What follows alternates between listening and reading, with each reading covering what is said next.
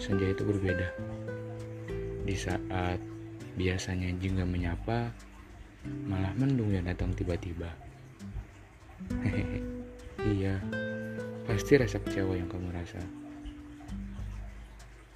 Kecewa? Ah, itu sudah biasa. Terkadang manusia hidup di atas pengharapan yang terlalu tinggi. Kita tidak pernah menyadari bahwa hal itu membuat sakit diri ini. Kekecewaan yang terjadi adalah jawaban atas kehilafan yang telah kita perbuat. Bukankah yang patut kita syukuri adalah nikmat karena telah mempertemukan kita? Pertemuan yang telah kita jalani dan lewati bersama. Pada waktu-waktu yang telah dihabiskan bersama, banyak hal yang seharusnya dapat kita syukuri agar tetap merasa dekat bukannya menjauh karena rasa seperti ini.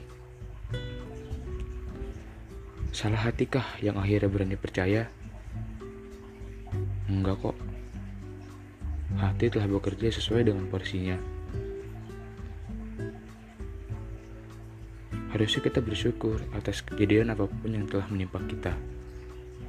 Kelak, rasa kecewamu akan tergantikan. Oh iya, Jangan lupa untuk bersyukur karena telah memiliki waktu bersama orang terkasih. Hargai orang yang membuatmu menjadi manusia terpenting di muka bumi ini. Jangan kecewakan dia ya.